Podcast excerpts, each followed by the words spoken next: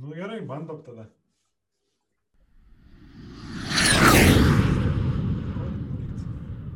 Aš turiu rekordinį. Dieną, ponios ir ponai, su jumis ir vėl tinklaudė prisiskraidėm. Šiandien jau ketvirtoji alfa tinklaudė, ketvirtasis alfa epizodas. Greitai, ar ne? Labas, Simonai, labas, Justinai. Kaip jaučiatės tokiam pagreitį? Taip kažkaip e, sveiki visi, laikas prabėgo ir galvoju, kaip čia tų temų, ar, ar užteks, nu, prašom, kaip nesikartojam. Jo, aš tai džiaugiuosi, kad iš tikrųjų ir, ir, e, ir mūsų podcast'o perklausos e, dažnėja ir jų daugėja. Tai noriu dar labai paraginti žmonės, kurie nesubscribina mūsų kanalo, tai kad paimtų ir pasubscribintų, nes beros 60 procentų žmonių, kurie mūsų žiūri, nesubscribina mūsų kanalo. YouTube kanale, YouTube. Ne, ne tik tai, tiek, tiek Spotify, tiek Apple podcast, kur tai bebūtų, tai visur, visur prašom mus pasubscribinti, labiau žinosim ir tiksliau žinosim, kiek iš tikrųjų žmonių mūsų klauso. Ir jeigu, jeigu turit ką nors žinot, ka, kam irgi būtų įdomu, tai galit numesti linką, tai va toks irgi būtų. Toks. O tam padeda Facebook'o, ne, puslapis ir šiaip šiaip. Sužinokite apie mūsų pirmieji. Mes suprantam, kad mūsų temos specifinės, bet yra daug kam įdomu. Tai. Bet ačiū labai, kas parašot, komentuojat, dėkojat, siūlot naujas temas, tai iš tikrųjų džiugina ir kas, kas karties gavę, iš tikrųjų nustembam ir užsirašom mūsų paraštės, kągi, apie ką kalbėti toliau. Na, o šiandien pakalbėkim bendresniem temom, apskritai apie tai senai jau lietėm ir apžvelginėm naujienas, kas vyksta Lietuvoje ir ne tik padangiai, ar ne, ko, kelia, ko, ko keliautojai gali tikėtis ir, ir, ir apskritai, kuo gyvenam. Bet to, kad Vilniuje, ne Vilniaus oro uostai išmontavo relikviją tą, tą tablo, ar ne, skaitėt gal naujieną, kad iš, iš, išmontuotas tablo. Ir kokio amžiaus, kokio amžiaus tas tablo buvo? Jo, mane labiausiai turbūt nustebino, kad jisai pasirodo toks naujas, jis tik tai 2007 metais pastatęs, atrodo toks senas ir čia jau neatsiejama Vilnius oro uosto dalis buvo bet e, man nu, labai gražios iš tikrųjų, aš esu fotografavęs ir filmavęs ne vieną kartą, kur tos tokios yra tikrai, tikrai senovinės, kur dar iš tokių, nežinau kaip pavadinti. Taip. Uh, Kur persiverčia. Kur per, persiverčia. jo, kur, kur net ne, ne, ne, ne ekrane rodo, bet persiverčia. Man atrodo, Frankfurto oro uoste yra tas išsaugotas, didžioji jų lenta yra, yra naudojamas būtent tokios mechaninės vis dar lentos, tai jos gražios ir, ir, ir, ir, ir tai pasirodo, kad turbūt Vilnius oro uostas ir nutarė nes, ne, nesaugoti jos kaip religijos, nes pasirodo, kad čia toksai jau visai naujųjų laikų uh, išmetas, kuris pakabintas. Tai labai laukiu, kada pamatysiu oro uostę, kas, kas atsirado vietoj to ir, ir kaip jin atrodo dabar. Šis dizainas, nes tikrai ilgą laiką ne, ne, nepasilgau Vilniaus oro uosto. Beje, šiaip oro uostas tai atrodo visiškai kaip, kaip prieš e, pandemijas, tik vienintelis dalykas dabar yra, kas yra kitaip, nu, neskaitant, kad ten gal e, neveikia ten duty mažiau, bet tik tiek dabar negalima įeiti, kas neskrenda. Tas toks tikrinimas yra kaip, kaip, e, kaip Turkijoje, kaip, kaip ten tose pavojingose šalise. Jo, bet aš girdėjau dar kitą momentą, kad iš tikrųjų, nors to pas metu keliaivių yra vis dar labai mažai, ten 91 procentas skaitimas su 19 metais vasario mėnesį, tačiau tie atsiradę čarteriai, nu, jie labai lengvai ir labai greitai sukuria uh, tuos vadinamosius pikus. Ir ne iš vieno žmogaus girdėjau, kad yra visiškai pergrūstas terminalas ir ten žmonės nesilaiko atstumų ir panašiai ir nieko darytis neįmanoma.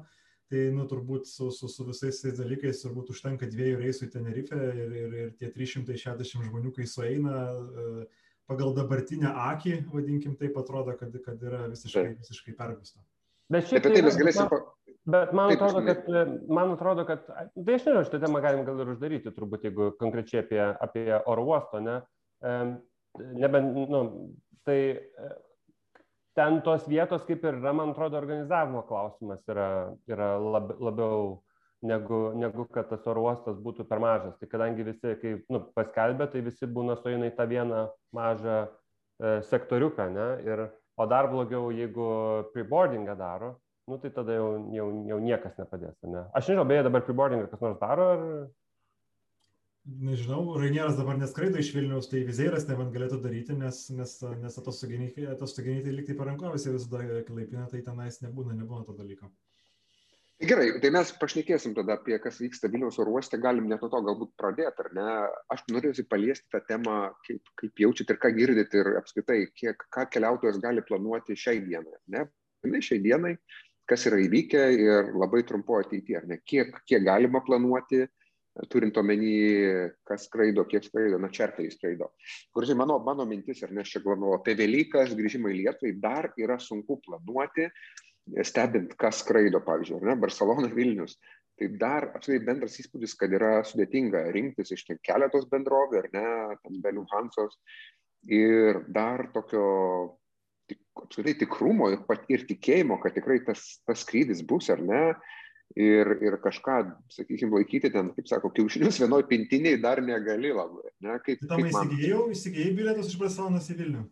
Dar ne, dar ne, bręstų tam, bet dar kažkaip, kažkaip norisi čia daugiau tų surinkti kažkokio kaip tikrumo taškų. Nežinau, kaip, koks jūsų įspūdis. Aš tai pirkčiau e, savaitę prieš, aš kaip e, buvau e, Amerikoje Tai tą irgi dariau, kad, aišku, čia išlindo tas piknaudžiavimas realiai, kad kadangi nemokami pakeitimai, tai realiai, nors ir žinai, savaitę prieš ką darai, bet realiai darai tada dieną prieš, bet aš, nu taip, kadangi viskas greit keičiasi ir ten tos savizolacijos taisyklės greit keičiasi, tai aš vien dėl to ne, ne, nepasitikiu jokiom ten realiai kelionėm daugiau negu savaitę į priekį. Nepaisant to, aš pasitikiu, manau, kad Uh, Turkish Airlines, Lufthansa, uh, Lioto ir turbūt Saso tvarkarašiais aš pasitikiu turbūt nu, daugiau į priekį, ne?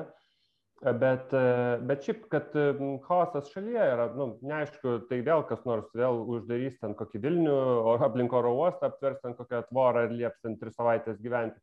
Čia yra tiek, nu, tas neprognozuojamas ir tiek yra nesuderinamumo, tarp valstybinių įstaigų tiek Lietuvoje, tiek ne Lietuvoje ir matėm, kad čia Sąjunga iš viso e, Ursula yra labai didelė gėda, ypač prieš Britus labai didelė gėda dabar yra, kad turim tokią, tokią niekieno neišrinktą vadovę. Tai, tai tiesiog dėl to, man atrodo, kad savaitę prieš pirkti yra gera mintis ir, nu, ką iš Barcelonos turbūt mokėsi ne 200, o 300, 300 pam, bet, nu, tipo, Tai yra neregėti dalykai, lyginant vėl, jeigu kiek galima lyginti su, su metais prieš, ne, tai yra kosmosas kažkoks, tai aišku, kai turėjom tiesioginius skrydžius su Vizier ir Rainier. Bet, na, yra kaip yra. Galbūt Rainieras pradės skraidyti nuo gegužės, čia dar yra vilties. Ja, kažkaip tai dar, dar, dar kažkaip yra viltelė kažkokia, valtelė. Kai stebiu tos kompanijų tvarkaraščių pokyčius, tai nu, iš tikrųjų tai, na, pavardintos kompanijos tokios yra nu, stabilesnės. Bet tai nereiškia, kad nu, tie tvark, jų tvarkarašiai yra stabilus, galbūt tai galima pasakyti, kad jos pačios bent jau skraido ganėtinai stabiliai. Ir jeigu ten sąsas tarp Vilnius ir Kopenhagos skraido, tai nu, jie skraido, nors ten kartais būna viena savaitė, kai du kartus per savaitę suskrenda, kitą savaitę tris, paskui ten liktai planuoja keturis, paskui vėl kažkaip nu, nu, pakeičia, bet nu, turbūt kol pati aviakompanija skraido, tai turbūt tas planavimas kažkiek tai pasidaro patikimesnis, nu vien dėl to, kad, nu, žinai, kad jeigu esi pats lankstus ar ne kažkiek, tai kad, kad, kad pati yra kompanija bent jau perkels, perkels, perkels į kitą dieną. Taip. Kas liečia, ar ne, turbūt pigių skrydžių bendrovės, tai vis dar matom, kad nuo jos tokio gyveno optimizmo režimu, kad, tas, kad čia greitai bus gerai. Ir, ir, ir iš principo kai kurias skriptis tiesiog nukancelino likus, likus nuo pačioms dviem savaitėms. Aš mačiau, kad nu, Rainieras darė kelias bangas, ar ne, jie turbūt jeigu atsuksim kokį nors vasario pradžią, tai kovo pabaigai pardavinėjo labai daug krypčių iš Vilniaus, paskui kažkurio tai metu liko viso labo iš Vilniaus tik tai trys, berots Milanas, Londonas ir, ir Kievas. Patikrinau čia šią savaitę, kas yra kovo vidurys, tai pamačiau, kad ir Londoną nuėjome pirmoms dviem savaitėms, būtent, būtent, būtent Velykiniam laikotarpiui. Tai numatosi, kad netgi, nu, tos aviakompanijos iš tikrųjų mato, kad nu, jeigu iš tikrųjų dar netėjo tas laikas, yra, yra, kažkokie, yra kažkokie ribojimai ir galbūt tie pardavimai nejuda, nejuda į priekį, tai a, vis dar ima ir pakankamai drąsiai ir ne, ir ne tos skrydžius, skrydžius, skrydžius nukancelina. Tai kita patirtis yra ir kitas pastebėjimas yra tas, kad nu, iš tikrųjų a, turbūt a, yra proga a, žaidėjams, kurie iš tikrųjų yra stabilus, susikurti kažkokį tai tikrai gerą įvaizdį šitoje vietoje. Ir aš, pavyzdžiui, nu, žinau, kad tikrai daug žmonių, tarkim, tą pačią iš Vilniaus į Tenerifę ar ne, rinkosi tiesioginį skrydį, nors turbūt paskutinius penkis metus prieš tai skraidydavo su persėdimais Londone, Barcelonoje, Milane ar, ar, ar Varšuvoje. Ar su kai kuriais lokostų bilietais. Bet šiais metais tiek visi nukentėjo, kad nu, dabar ta turbūt kaina, už kurią kelionių organizatoriai parduoda ten tokie 5, 6, 700 eurų yra tikrai žmonėms nu, gerai suprantama vertė, už, kurią, už, už, už ką jie galbūt sumoka tą kainą, kuri, kuri galbūt atrodo šiek tiek didesnė negu, negu, negu negalėtų būti. Tai aš manau, kad nu, čia apibendrinant galim turbūt tokį pasakyti, kad nu, visada bet koks uh, sukretimas, bet koks neiškumas kažkam, kažkuriam kitam verslui galbūt gali būti, gali būti ir šansas. Tai, tai, Taip. Nu, aš tai dar apie tuos. Atsipirks ar ne tokiems patikimiems vežėjams ir organizatoriams. Aš dar apie tuos 700, nu dabar tipinė kaina Vilnius Tenerife yra kokie 700 eurų, jeigu perki vien biletą, ne?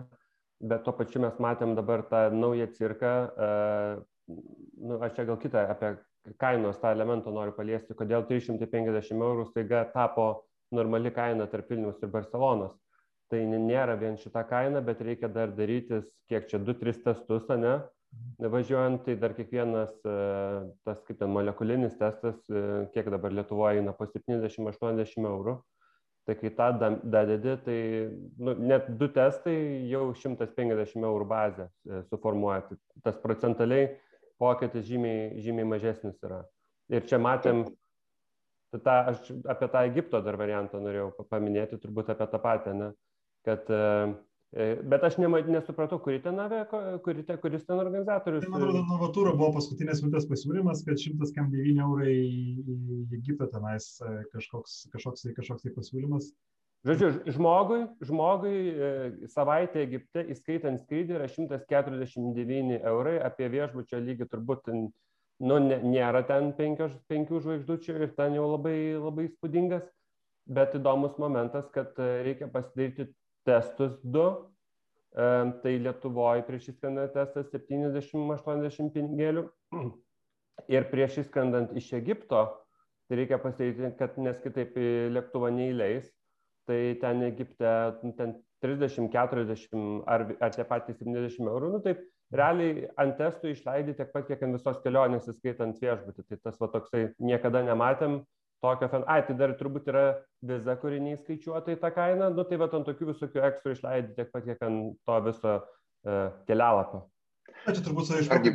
Žydrė gali prisiminti, kad jinai labai gerą turbūt pastebėjo, pasakė, kad iš tikrųjų tas kelionės pabrangimas jisai yra toksai tikrai prasme netiesioginis. Nes kas liečia pačias bilietų kainas, tai aš sakyčiau, nu kaip, nu, vis dėlto visi turbūt, kurie arčiau ir labiau gilinasi į aviacijos sektorių, supranta, kad, na, jeigu ten anksčiau nusipirkdavai, nežinau, už tokį trumpą Rainiero skrydį už 10 eurų, arba rasdavai ten bilietą už 100 eurų iš Vilnius į Tenerifę, tai iš principo, nu, tai nebūdavo, kaip pasakyti, nu, normali kaina, ta prasme, kad, kad, kad, kad, kad tai yra, nu, toks, kaip pasakyti, normalus offeringas. Aš labiau vadindavau, kad, nu, tai yra čia kažkoks kaip sporto šaka, ta prasme, tokių pasiūlymų ieškoti ir ten iš principo, kaip, kaip juokauju kartais, kad, nu, kaip nuskristi už 10 eurų tenais iš Vilniaus į, į Paryžių, nu, tai skrisi ne tada, kada tu nori, o tada, kada kompanija nori, tai bus eilinis vasario antradienis ir dar turėsi tris pusviršius padaryti oro uoste atėjęs, nes tai bus kiekvienos papildoma sąlyga, kad, kad, kad tą galėtum pasiekti. Bet nu kas labiau tenais gilindavosi nu suprasdavo kad iš principo turbūt ten ten kokie du šimtai eurų du šimtai penkiasdešim eurų yra nu normali kaina į abi puses kažkokiems tai kažkokiems tai skrydžiams į, į Europą. Ir dabar man atrodo kad nu, vis daugiau žmonių pagauna ir, ir, ir, ir akceptina tai nu, nes vis dėlto turbūt ar ne kažkokios tai kelionės ilgesnės dalyje ten savaitės ar dviejų savaičių kažkokia atostogų kelionė tai vis tiek yra nu reasonable arba kaip pavadinti, na, logiška, ar ne, visų, visų, visų atostogų išlaidų, išlaidų dalis. Klausykit, aš dabar nesu pasiruošęs tam detaliai ir gerai, bet galim padaryti kitam kartui tokį ekstra. Aš esu kažkada dekonstravęs Vilnius, Londonas, Vilnius, uh, Uzeiro kainodarą. Nu, nes jie yra listinguojama įmonė ir ten galima matyti, kur jie išleidžia pinigus ir kiek jie pinigų gauna, kadangi žinom, kiek yra koks yra atstumas, tai galima labai lengvai tokį vidutinį modelį sumesti, bet aš prisimenu labai tiksliai, kad apie 200 eurų yra vidutinės pajamos, kurias gauna Wizz Air iš skrydžio Vilnius, Londonas, Vilnius e, bileto. Jeigu taip imsim visą jų tinklą, tai 200 mhm. eurų yra jų kaina, 150 eurų yra jų kaštai, ten 500 eurų gaunasi pelnas, ten mokesčiai visokie kitokie dar linksmi. Gerai, tai turėkime omeny, Justinai, šitą. Mm. Grįžkim prie, prie apskaitai bendro, bendro, bendros padangės Lietuvoje ir, ir e, kas atsitiko, ar ne, kokią žinutę galėjom perskaityti statistiškai, kad šį vasarį Vilnius oro uostas aplenkė Rygos oro uostą keliautojų skaičiumi, ar ne? senai to nebuvo, ar ne? Ir, ir, ir Simonai, gal tu daugiau sėki tą statistiką ir. Bet prognozavom, bet prognozavom, noriu. Buvo, buvo toks dalykas. Šitame podcast'e pirmą kartą prognozavom, tai dabar nežinau, kurį mūsų podcast'ą reikėtų atsidaryti, turbūt kokį trečią C ar, ar, ar, ar trečią B, kuriame iš tikrųjų minėjom, kad, kad visai tikėtina, kad vasario mėnesį tai gali nutikti. Tai čia, man atrodo, turbūt yra ir taip nutiko, ar ne, Vilniaus oro uostas vasario mėnesį pagal keliaivių skaičių aplenkė Rygos oro uostą kas buvo tokia turbūt, nežinau, e, šlapia dažna lietuvio svajonė, ar ne, kad, kad, kad kada nors taip nutiktų ir atrodė, kad niekada taip nenutiks, bet bent jau, bent jau vienam mėnesiui taip ėmė ir nutiko. Jeigu mano ten skaičiavimas, jeigu, jeigu nesuklydau, tai turbūt 2005 metais galėjo būti paskutinis toksai atvejis, kai, kai Vilnius oro uoste buvo daugiau keleivių negu Rygoje. Bet čia turbūt irgi yra nu, paprasta išvada iš to, ta prasme, kad, kad uh, skirtingų šalių ar neįvesti ribojimai, jie, jie, jie stiprią įtaką padaro. Ir nors čia yra toksai, kaip pasakyti, juokas tam tikrą prasme prašadas, ir ten skaičiuoja, kad minus 91 procentas kritimas yra geriau negu kritimas minus 95 procentai.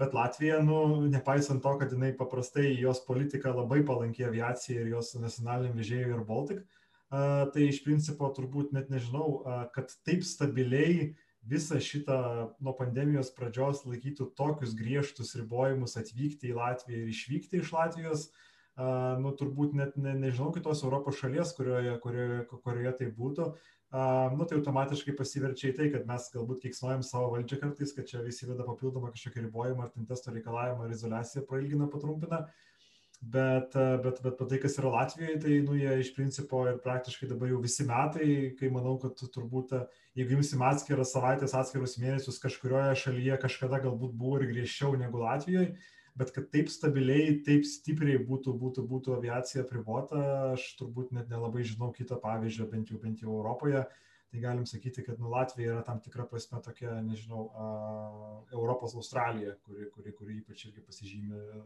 už savo užsidarimu, kuris trunka daugiau negu vienerius metus.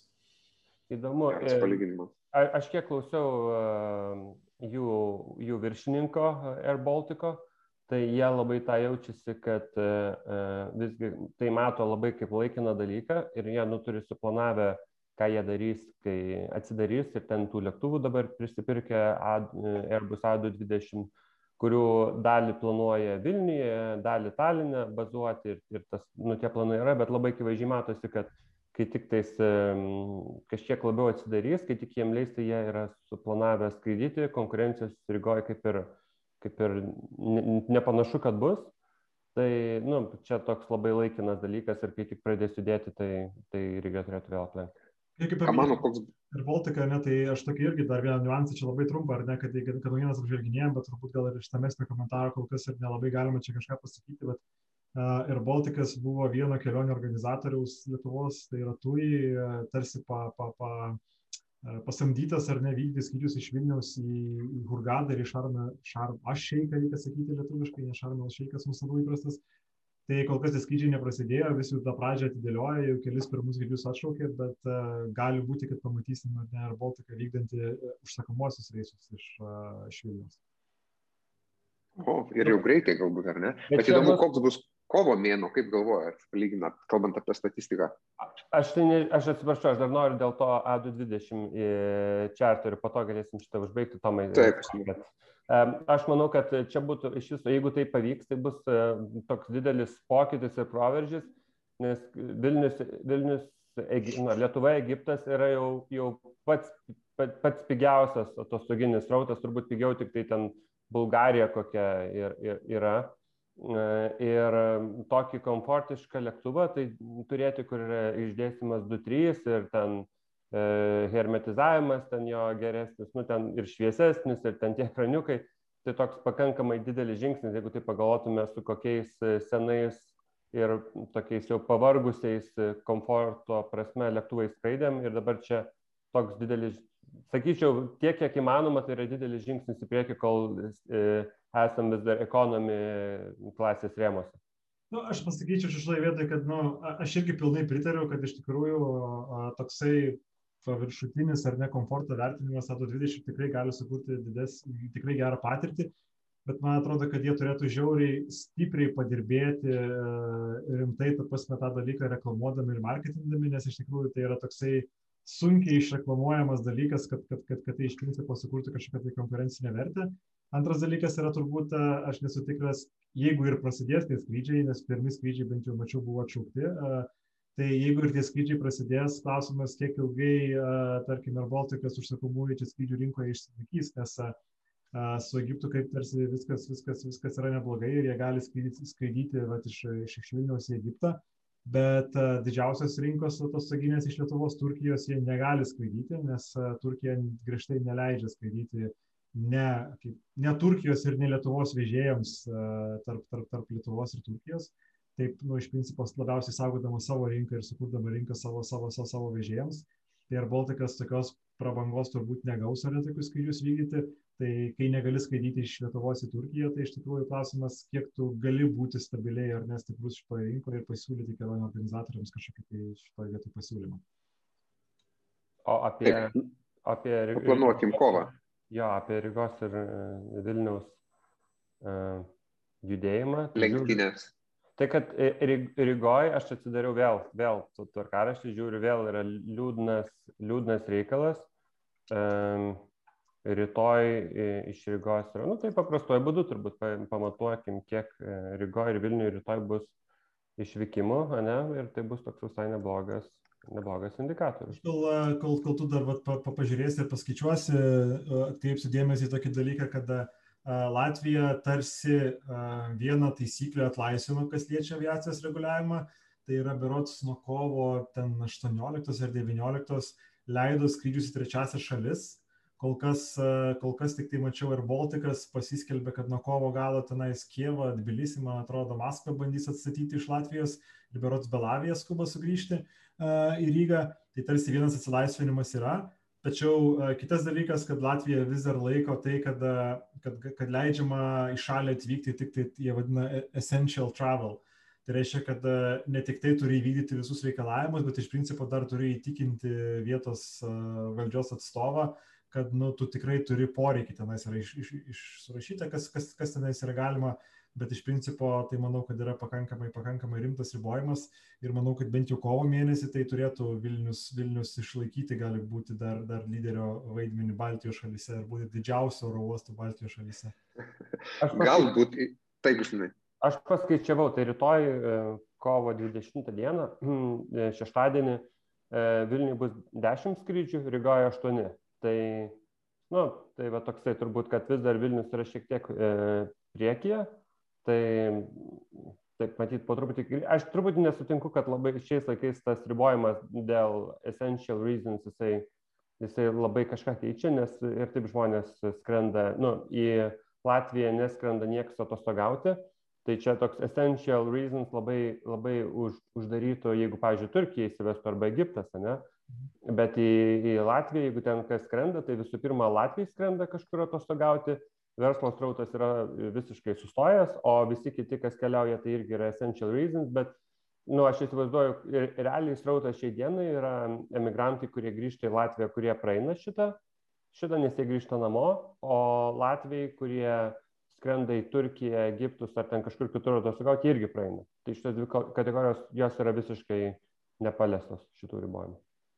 Taip. Aš ką norėjau paminti, gal, gal mes ir balandį turėsim tokį pat optimistinį, nes, nes gal teko matyti žinutę tiek socialiniai medijoje, tiek, tiek kitur, kad SAS atnaujina skrydžius tarp Vilniaus ir, ir, ir Stoholmo ir, kalbam apie du savaitinius skrydžius jau nuo balandžio pirmos, penktą dienomis ir po to nuo dvyliktos dienos.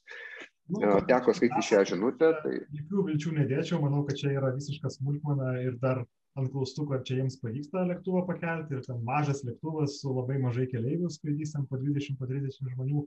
Aš labiau dėčiau vilties ant to, kad labai daug Lietuvos kelionių organizatorių iš tikrųjų tikisi, kad balandį atsidarys Turkija ir kad jie pasileis čia plaukus ir, ir skraidins visus į Turkiją. Tai čia turbūt du elementai yra. Vienas elementas yra iš tikrųjų, ar, ar, ar, ar bus galima į tą Turkiją skristi, Čia turbūt atsakymas yra turbūt, kad taip, nes jau atsidarė Tenerife ir Egiptas prieš tai, ar ne, ir tas būdas bus tenais kažkur tai surastas. Antras dalykas iš tikrųjų, kad turbūt Turkija pamatuos ar ne iš tikrųjų tą gylį, kiek yra žmonių, kurie iš tikrųjų šiuo metu nori skristi atostogauti.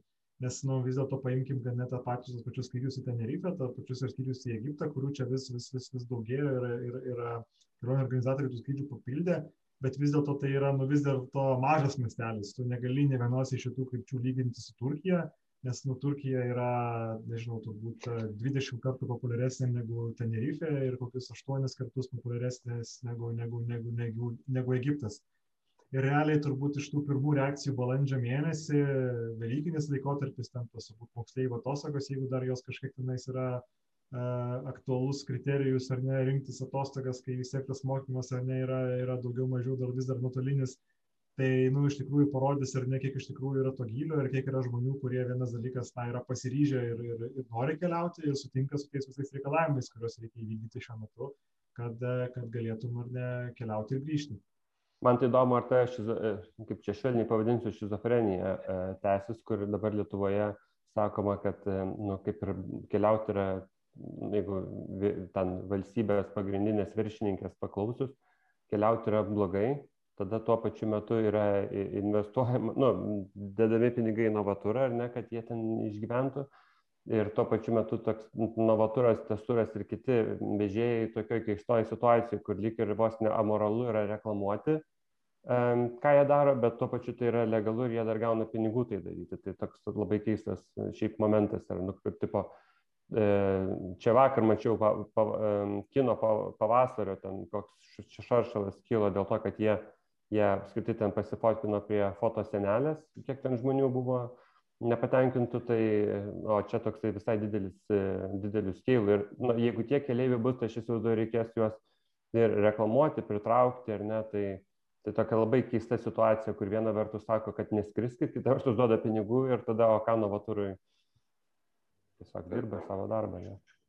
Prisiminiau dar apie Turkiją, Simonai, kadangi paminėjai apie Turkiją, buvo žinutė taip pat apie naujienas, kalbant, kad Turkių, turko avialinijos didins dažnumą skrydžių, ne? neatsimenu taip nuo kada, a, tarp Vilniaus ir Stambulo. Padidino Turkish Airlines varots nuo 4 iki 5 skrydžių per savaitę, tai tie penki skrydžiai per savaitę iš principo šio laikinėje uh,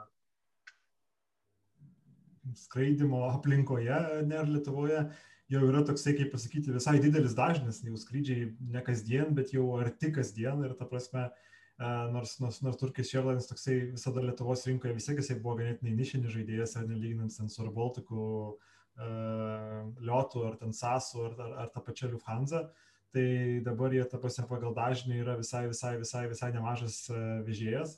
Ir e, manau, kad e, čia jisai bet galėtų būti iliustratyvus pavyzdys to, ką mes pakalbėjom ar ne pačioj šito podcast'o pradžioj, kad kažkoks tai stabilumas ir patikimumas, kurį tu kuriesi, jisai galbūt tau neatsiperka iš karto, bet jisai atsiperka, atsiperka kažkiek tai vėliau. Ir man atrodo, kad čia taip žiūrint ar ne strategiškai ir žiūrint filosofiškai, uh, vat ir prisimenant, ką Justinas paminėjo, ar ne, E, skaityta jo interviu su, su, su, su Martinu Gausu, ar ne, Air e, Baltico viršininku, jeigu vartojam šiandien šitą žodį, tai kompanijos yra tokioj e, dideliai, tokioj ir nedvėjoniai. Toks amžinas klausimas, ar reikia, kiek reikia skraidyti šiuo metu, ar ne? Nes reikia skraidyti ne per daug, kad nes negilintum savo tos finansinės dobės, kuri ir taip yra visiems didelė. Uh, Ir antras dalykas yra skraidyti ne per mažai, kad keleiviai ar ne nuo tavęs nenusisuktų ir tavęs nepamirštų. Nu, nes aš manau, kad nu, prarasti tam tikras rinkas, ypatingai kuriuose galbūt specializuojasi, nu, pakankamai, pakankamai turbūt yra sunku. Ir tą labai vat, matom iš Lietuvos kelionių organizatorių elgesio, kad nu, kai pradeda vienas organizatorius kažkokią tai kryptį siūlyti ir kažkokį produktą paleisti, automatiškai visi kiti bėga iš paskos, ar ne? Nes, nu, nes niekas nenori būti, kaip pasakyti, paskutinis, nes nu, tokioje visoje aplinkoje tu turbūt gali būti labai greitai pamirštas ir a, susigražinti ar ne savo rinkos dalis, ar ne ir investuoti gali būti irgi, irgi, irgi sunku ir ta prasme, tai, tai turbūt čia toksai yra labai strateginis sunkus klausimas yra, kaip atrasti aviakompanijoms tą balansą, kad skraidyti ne per daug ir ne per mažai. Aš žinau, dar yra minėjęs, čia gal, nežinau, spėsim vėliau dar pakalbėti, klausiau e, Qatar Airways viršininko, tai jisai akcentavo, tai nu, vien, viena dilema yra, e, tai lėktuvai niekur nepabėgs ir juos galėsi toliau pakelti, bet lygiai taip pat yra ir žmonės, ne? tai kai dabar tokia krūva žmonių, kurie negali, negali dirbti ir dalis jų natūraliai tikrai Amerikoje turbūt dabar pakankamai daug žmonių sėdė ant to furlough, kaip čia lietuviškai vadinasi, pra, pravaikštų, ar ne? Prastovas, tai irgi prastovas. E, prasto, prastovas, jo. O, o Europoje tokių specifinių nebuvo nutaikyta į aviaciją priemonių tiek daug, nu, tai Lietuvoje kokio iš viso nėra. Bet ir šiaip nu, nebuvo tiek daug nutaikyta, tai nu, tie žmonės išsivaikščios ir tiesiog gali prarasti bet kokį tą įdirbį, kurį iki tol turėjai. Ten Vizeiras ar Ryanair, kurį turėjo Lietuvoje, tai jeigu ar Baltikas norėtų dabar sukonkuruoti ant emigrantinių krypčių, tai jie tikrai yra geresnėje situacijoje negu, negu prieš dviejus metus, kur, kur jie turėjo įdirbį. Ne? Aš pakartosiu irgi tą mintį, kurią esu turbūt jau kartą, nes ne kartą sakęs ir rašęs, kad nu, skamba kažkiek tai ironiškai, bet dabar yra pats laikas startuoti naujoms oro kompanijoms geriausias. Ir, čia... ir Amerikoje, ir Amerikoje viena aviakompanija dabar e, startuoja. Uh... Breeze Airways turbūt, ne? Breeze Airways. Breeze, Breeze, jo, jo, Breeze Airways. Projektas dabar persivadina į Breeze. Nes iš tikrųjų, na, ypatingai tokiuose rinkose, kurios e, buvo išdevelopintos ir jau tokios senos nusistovėjusios, uh, nusipirkti rinkos dalį dabar yra tikrai pigiau negu būdavo netgi galbūt ir kokiais 18 metais. Nes uh, nu, visi gindavo savo pozicijas, didžiulės investicijas į marketingą, rinkodarą, slotų saugojimus ir visi kiti dalykai tai nu dabar iš tikrųjų nu pradėti nuo balto lapo ir nusipirkti tą rinkos dalį daugelyje rinkų gali būti tikrai pigiau. Tai, tai, tai nenuostabu, kad matom tų startupų. O klausykit, aš tokį labai, kaip čia, dramblį noriu dar paliesti, apie kurį neplanavom šnekėti, bet uh, slotai Londone. Uh, Londonas turėjo beprotiškai, nu, Heathrow oro uostas turėjo daug, kaip čia, didžiulį turtą, tie, kas galėjo skraidyti į Heathrow. Kokia dabar situacija, nes tikrai Hitrau nėra perpildytas šiai dienai. Kiek laiko jie laikys ten tą visą e, e, sulaikytus tuos e, slotus, kurie, nu, leidimosi teisės, kas turėjo 2020 sausį? Aš tai, e, kiek aš skaičiau, ar ne, e, nesu tikras, ar ne čia naujausia informacija ir reikėtų įsigilinti į pačias detalės, bet man atrodo, kad toksai apsisprendimas, e, bent jau, bent jau, bent jau Europos mastu, nežinau, turbūt įtraukiant ir UK tą pačią sprendimą, buvo toksai, kad lyg tai toliau laikys tą pratesimą 21 metais dar, bet toliau yra planuojama tą 80 procentų taisyklę po truputį mažinti į kitas taisyklės. Tenais, e, kad, prasme, kad slotų praradimas atsirastų, bet kad tau nereikėtų, norint išsaugoti slotą, skraidyti 80 procentų, bet bus naudojama ten koks nors 50 procentų. Kad kol tu 50 procentų skraidai, tai tol tavo tenais 19 metais turėti slotai vis dar, vis dar, vis dar laikosi. Tai aš mačiau, kad yra, kad kompanijų yra kai kurios, kurios pasiskelbusios, kurios čia įmo paskraidyti kurį laiką, nes dabar tai vietos skraidyti yra. Klausimas yra tiesiog, kai tas ar ne atleidimas nuo slotų ir tie istoriniai slotai bus sugražinti kažkurio tai metu. Klausimas yra tau, ar verta tos metus ar du paskraidinti, jeigu paskui bus išmoktas iš paršių. Gerai, bet grįžkim prie, prie naujienų temos, ar ne, kas liečia Lietuvos padangį ir šiek tiek plačiau. Mm, ir galbūt e, išsamiau šiek tiek panagrinėkim, dar vieną naujieną nuskambėjo, ar ne, mūsų padangį ir mūsų kanaluose, kad Wizz skraidys nuo birželio, beros 12 dienos į Santorinį. Ne, Santoriną gal reiktų sakyti, aš jau čia pasimečiau, jūs gal geriau žinot, ką ten komunikuoja valstybinė, kokia tai ten komisija kalbos. Apskritai, ką tai reiškia keliautojams, kur, kur nežinau, iškeliauja, ar ne, kur viešbučiai toliai nėra, viešbučiai nėra pigus, ar ne, ir uh, Ką tai reiškia vizija ir kompanijai? Simonai, gal tu turi kažkokių įžvalgų šito, šitą temą, ar ne? Kaip nauja, dėl naujos krypties ir apstai vizija ir taktikos. Jo, Vizera paskelbė apie naują kryptį, e, kas, kas skamba kažkiek tai ar ne ironiškai, kai tu ten skaidai penkiam kryptim iš 25, o likusi ir iš 30 ir gal 25 kryptis laikai sustabdytas ir tikėsi, kad ją atstatysi, dar paskelbė dar vieną naują kryptį. Tai, visa, Va, tai kas čia, kas čia, kas tai? Visa Lietuva sužinojo, kad Santorinis iš tikrųjų vadinasi Santorinas, nes laikydamas lietuvių kalbų taisyklių ar ne, vizė yra ir savo pranešimą spaudai ir savo tinklapyje taip ir taip ir vadina, jeigu tinklapį lietuviškai pasivadini, tai ta prabangi sala priklausanti Graikijai ar ne, vadinasi Santorinas. Ar mane nustebino toksai jų žingsnis, tai nustebino, manau, kad čia toksai yra kažkoksai turbūt netvarko planuotojai vizai yra kažką tai įdomaus e, parūkė ar išgėrė tokį, tokį sprendimą priimdami, e, kad jis yra, e, kad galima atrasti kampų, kodėl yra logikos tokia krypti dabar bandyti, galima atrasti, nes iš tikrųjų akivaizdu, kad šią vasarą, 21 metų vasarą, tas srautas, ant kurio galima, kaip pasakyti, statyti savo žetoną kazino, yra būtent polisiautai, nes, nu, akivaizdu, kad tas, kaip pasakyti, tas uh, toksai uh, uždarytos uh, europiečio jausmas, kad ar ne aš laukiu, kada tik tai galėsiu kažkur tai varyti atostogauti, jisai yra ir visos apklausos tą rodo. Ir ten iškalbinga ar ne Didžiosios Britanijos statistika, kai tik tai tą patį vakarą, kai Borisas Johnsonas pristatė tą savo garsų į atlaisvinimo planą, žmonės išgirdo, kad nuo birželio 17, beras, jeigu aš nemaišau dabar datos, bet birželio kažkeliolika yra diena, nuo kurios bus galima atostogauti, tai per vieną dieną keturis kartus išaugo pardavimai ar net bilietų į a, Ispaniją ir į Graikiją, nes nu, du populiariausi kurortai, kur, kur, kur, kur Britai varo. Tai e, čia tokia irgi yra ironija, kad dar nepašoka labai greitai. E, kitas dalykas, ar ne, kad netgi tas pašokęs skaičius, jisai vis dar yra dvigubai mažesnis negu buvo 19 metais. Tai matosi, kad nu, tų žmonių, kurie, kaip pasakyti, yra laikant trumpo ir nori, ir nori, ir nori, ir nori pasileisti yra. Tai ir čia visas aviakompanijas, ir kitos, kurios į darbą orientuotos, ten Lufthansa, Sasas ir visus skelbia, kad čia vasarą tai mes stipriai labai orientuosimės į, į būtent į polisiautojus nes niekas netiki, kad kažkas darbo reikalais kažkur keliaus. Tai vizairas irgi šoka į tą traukinį ir sako, žiūrėkit, jo varykit visi pastogauti ir paleisim tokią kryptį.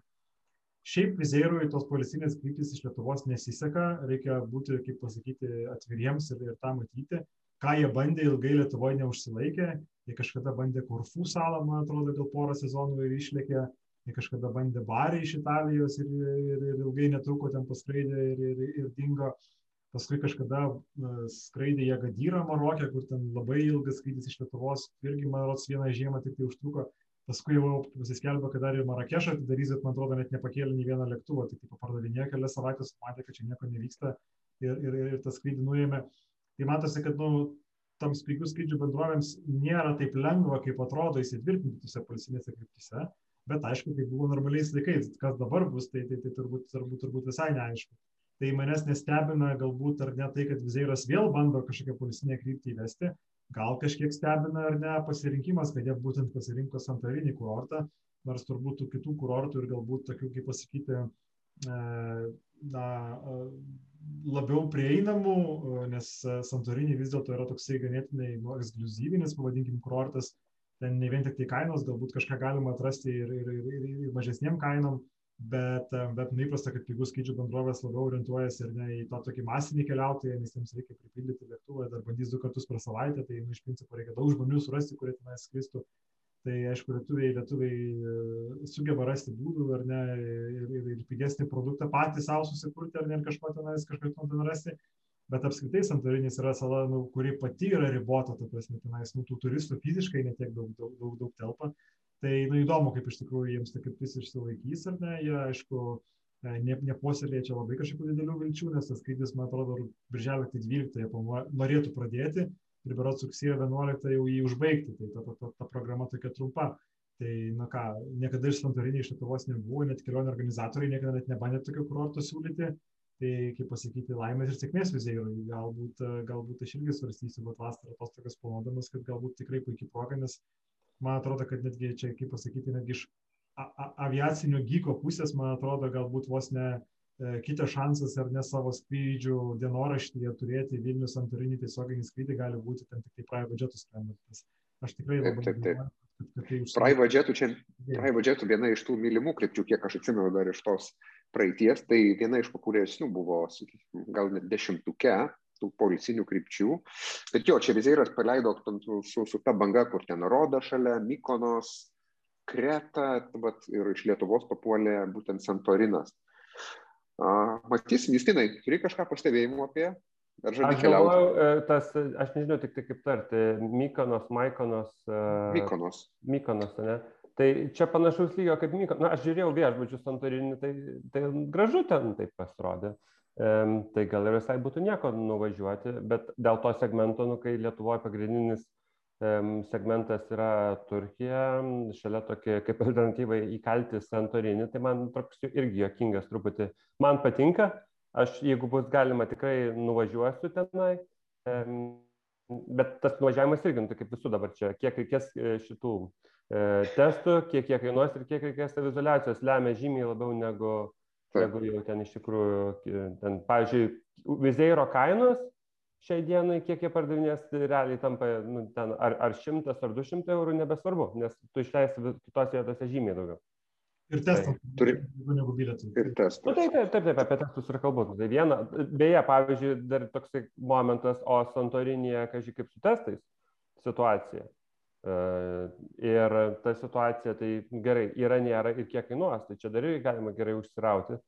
Aš kažkaip galvoju, kad turbūt tos turistinės šalis jau kažkaip e, ras būdų, kaip tą bent jau produktą sukurti, ar ne, nes turbūt čia nebus tik tai vien Lietuvos klausimas, bet turbūt e, tų testų reikalavimas e, iš žmonių, kurie galbūt ten nepasiskiepija ir panašiai, o, o apart Britų turbūt dar vis dar visą šią vasarą turėsim didžiulę nepaskiepytų ar ne žmonių populiaciją Europoje. Tai manau, kad jisai bus aktualus ir ten turbūt jau graikai kažkaip sugalvos tą variantą. Jie mačiau pasiskelbė, kad liktai tipo ale tokį oficialų atidarimą daro, kad nuo gegužės 15 dienos Graikija tampa atvira turizmui. Aišku, ten yra daug gifs, kad ten turi arba būti, arba būti pasiskiepijęs, arba ten turėti antikūnių tų vadinamų ir pažymą apie tai, ar, ar, ar, ar turėti tos neigiamus setus. Bet aš manau, kad turbūt nu, tokioje kurortinėje vietoje, kad ir nedidelės salas, bet ras tenais turbūt būdą, jeigu Maldyvose suorganizavo Maldyvai, tai, tai, tai, tai graikai Santorinė irgi ras būdą, kaip tą padaryti bet dar turbūt reikia palaukti, nes tai yra birželis, dar sakau, net ne Velykos, apie ką mes kalbėjom, dar yra birželis, tai yra nu, šitoj, reikės, šitoj realybėj taip toli. Pagal tą principą reikės pirkti likus 14 dienų, kai jau yra pakankamai didelis aiškumas, kad ne, neatšauktas bus skrydis. Problema turbūt tik tai ta, kad su viešbučiais gali būti niuansų, nes Santorinis tikrai labai tokia vieta, kur nu, ribotas ribotas kiekis ten yra apgyvendinimo. Bet gal, kas, gal mes tikrai ten ir kokį podcastą iš ten padarysim, aš tai visai aplankyčiau, bet mes galim ten suskristi galbūt iš skirtingų taškų ir, ir žiūrėt, gal kokį tai podcastą padaryti live. Kažkai ar yra ten e, infrastruktūra, kur ten su kamerytė koks nors graikas prilėktų. Gal yra? Na, matysim. Gerai, e, pasukim šiek tiek mūsų tinklalaidę kitų kampų ir, ir nuo naujienų, kurias, kurias jau šiek tiek ir apkalbėjom.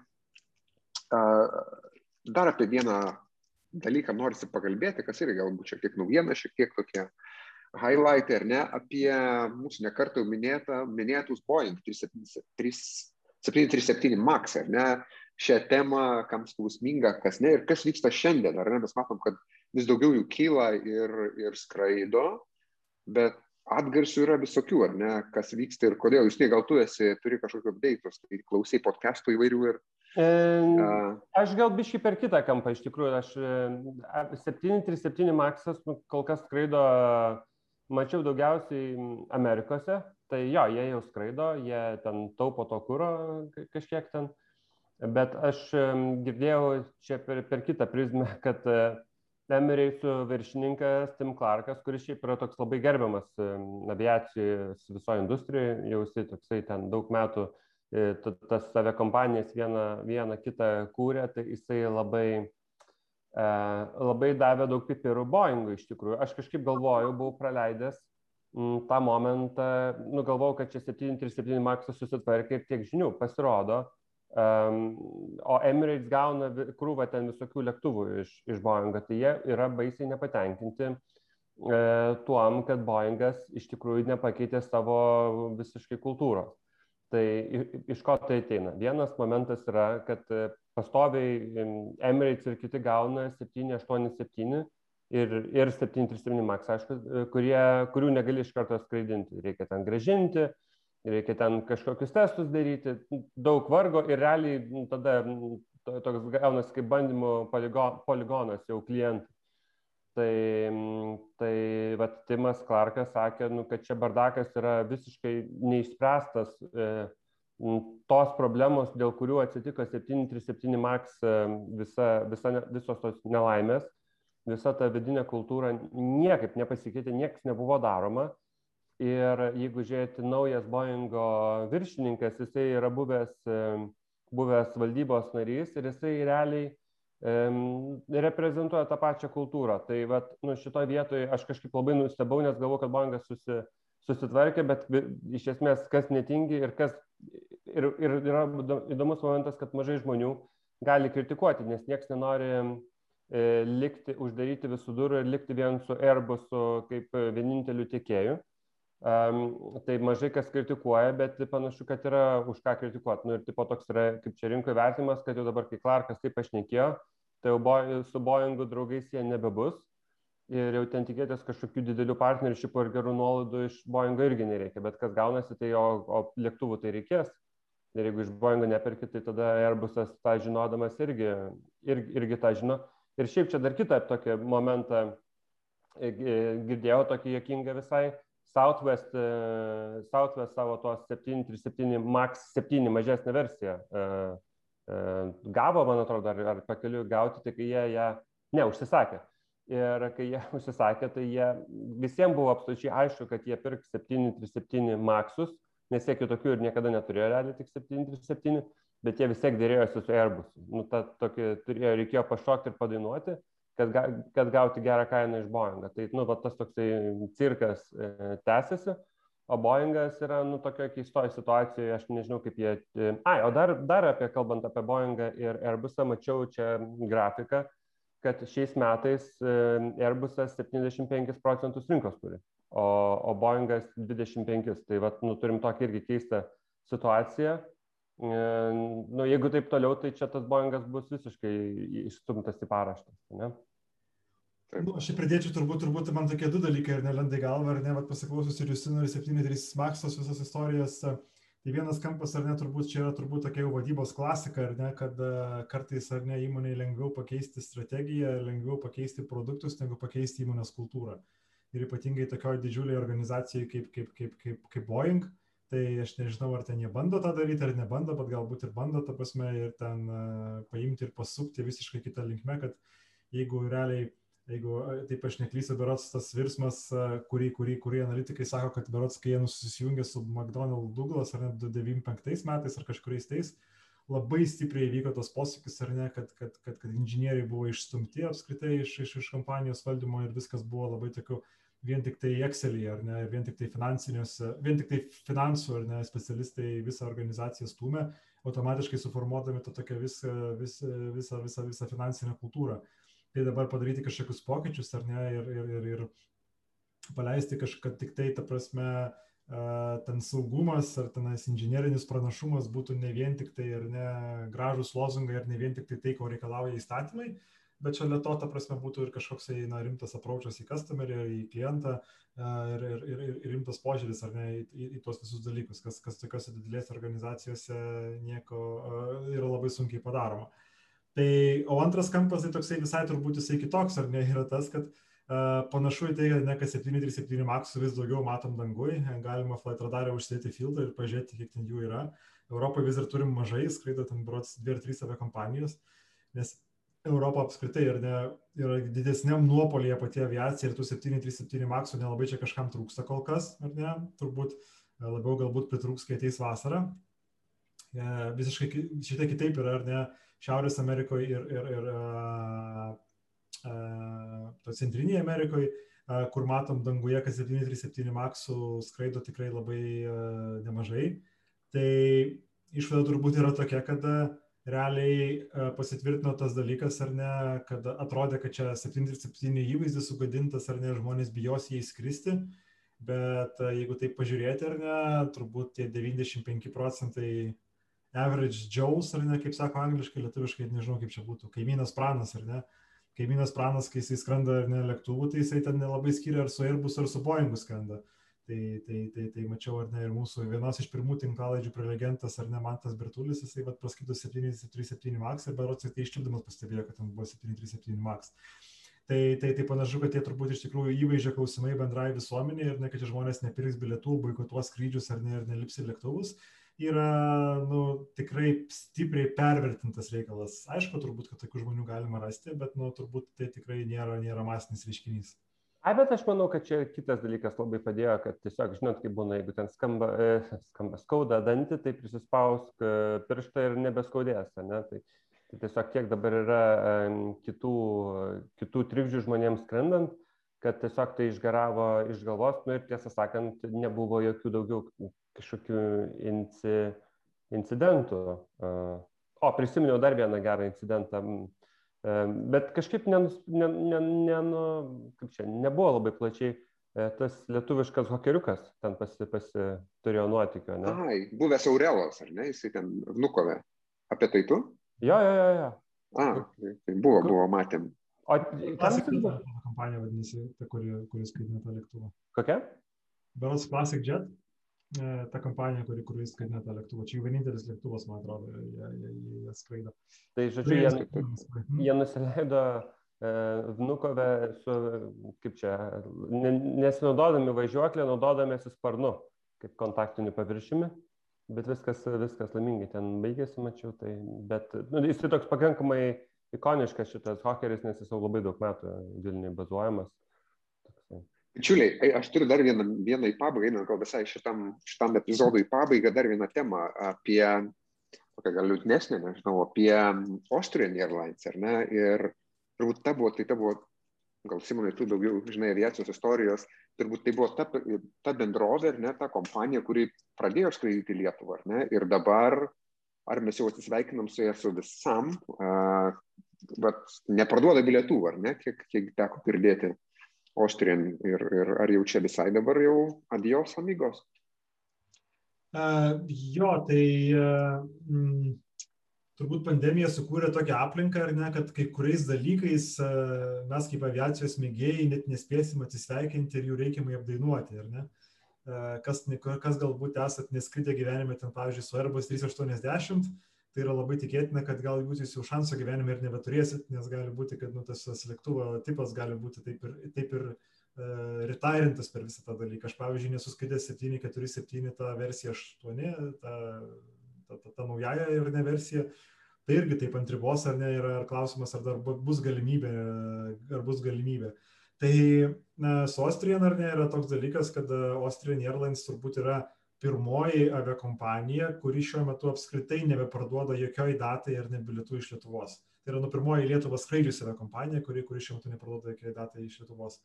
Aišku, čia yra sunku pasakyti, ar tai yra jos visiškas atsisveikinimas su Vilniumi ar ne.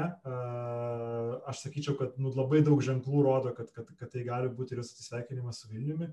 Tas Vilniaus, viena Vilnius maršrutas jiems tikrai nebuvo strateginis, jie į Latviją, į Estiją jau neskraidė gal 15 metų. Tačiau manau, kad nu, jisai vertas, jeigu tai yra atsisveikinimas, tai jisai tikrai vertas didesnio apdainavimo ir, ir, ir, ir, ir, ir nežinau, gedėjimo apie tai, nes tai vis dėlto yra pati pirmoji vakarų aviakompanija, kuri buvo pirma pradėjusi skraidyti į nepriklausomybę paskelbusią Lietuvą. Nors ten priskiriama ar ne, kad ten liktai, liktai SAS buvo pirmoji, bet ten iš tikrųjų dienų klausimas, jeigu aš neklystu, fiksuota buvo, kad 92 metų sausio 20 dieną pirmą kartą, pirmą kartą Austrian lėktuvas atskrido į Vilnių.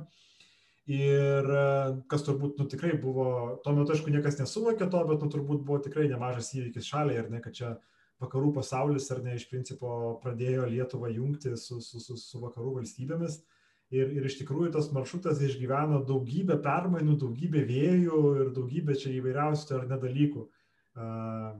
Čia galim prisiminti, kad dabar ar ne Austrijan priklauso Lufthansai, prieš tas Lufthansa, kad įsigijo Austrijan, čia mums atrodo jau toks įprastas dalykas ir kad čia taip senai yra, bet tai vyko 2008 metais, iki tol to nebuvo. Kad Austrijan yra Star Alliance irgi atrodo toksai jau čia amžinas dalykas, bet jie įstojo 2000 metais tik tai prieš tai, kai tuo metu pradėjo skraidyti į Vilnių, dar netgi priklausė tokiam Euro Quality, Quality Alliance, kuris visi ir buvo įkūrėsi, kuri yra seniausiai bankrutavusi. Tai čia galim sakyti, nu jie pergyveno viską, pergyveno tenais turbūt ir buvo ir Air Baltico atakos, ten kokiais 2005 metais, kai buvo vieną paleidę, spėjau, kad Lietuvos avialinijos gali būti, kad jie irgi kažkada vieną anksčiau ir vėliau turėjo ir jie visą tai pergyveno, ten pergyveno 2008-2009 metų krizę, ar ne, kai čia niekas iš Vilnius neskraidė, Austrijan stabiliai skraidė. Ir net, net, net, net tas tvarkaraštis, kuriuo jie skraido, vos ne visus 30 metų žiauriai panašus į tą patį, kurį mes turim, kad jie tenais apie 1-2 valandą čia atskrenda į Vilnių ir iš Vilniaus išskrenda.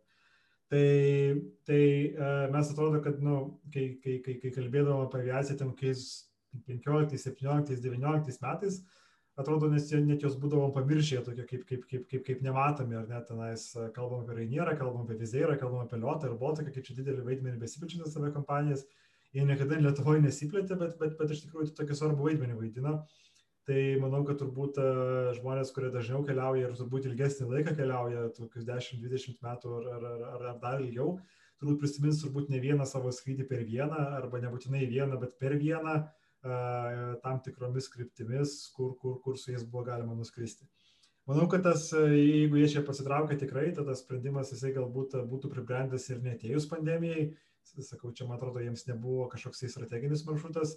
Šalia to jisai toksai buvo kaip ir skylės užpildymas jų tenais kažkokiuose dienos rotacijose, nes čia skraidydavo į vidurį dienos, tokį, tokį, tokį, tokį, tokį reisą turėjo.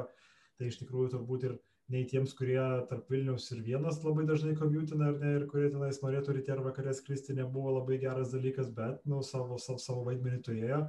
Ir manau, kad apdainavimo vertas, ar ne, jeigu tai iš tikrųjų yra atsisveikinimas, vien dėl to, kad dėl to viso ilgalaikiškumo ir pastovumo, kurį Austrijan kaip brandas, ar ne, čia, čia, čia, čia, čia Vilniuje turėjo. Aš dar prisimenu, Vilnius oro uoste ilgą labai laiką tam naujajam terminale, jį pastačius buvo toksai Austrian ofisas, pažiūrėjus po dešinį viršų, ir, ir, ir visos darbuotojas su uniformom, su raudonom pėtkelėm ir raudonom, raudonais, raudonais kostiumėliais ar, ne, ar nevaikščiodavo.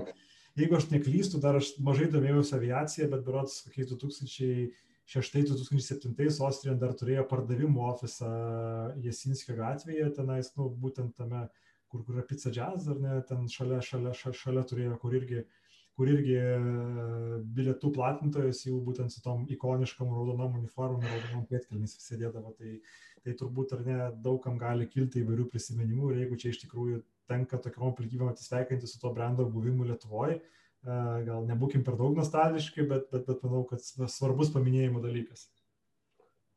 Aš galvoju, aš galvoju um, nu, kokios čia sėkmės buvo, kad jie taip, nu, tai turbūt viena, kad jie tokiu laiku skraidė, kur niekur daugiau negalėjo.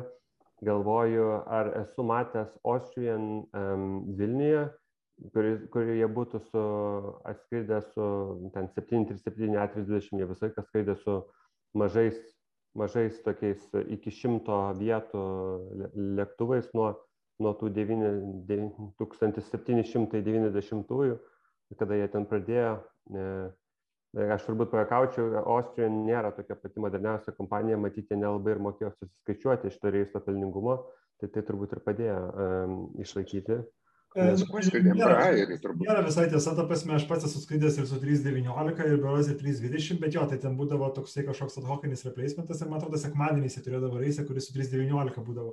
Šiaip paskutiniu metu su Embraeriu 195, aš paskutinius porą metų, kadangi neretai skrisdavau į Zagrebą, tai, tai, tai jie būdavo visai, visai, visai opcija ir kelis kartus tą visą maršrutą nuo Vilnius iki Zagrebo ir atgal, ir, ir atgal tekdavo praskristi, nepaisant to, kad iš tikrųjų tie laikai būdavo žiauriai nepatogus. Tai vienas dalykas yra tai, kad nu, nuskrisdavo iš Vilniaus į vieną, tai realiai trumpų jungimų ten nebūdavo. Aš atsimenu, jeigu nueini į Austrian Lounge, ten būdavo visiškai dykuma apie trečią valandą dienos ir tenais tik tai penktą valandą pradėdavo rinktis ar ne tokie, nu, keleiviai, kurie iš principo tenais su, su 18 valandos bangos skrydžiai skrisdavo, o kai skrisdavo atgal, konkrečiai vat, labai sunku būdavo pagauti vienąją tą reisą, nes jisai, man atrodo, iš vienos į Vilnius kildavo 10 val. lokal.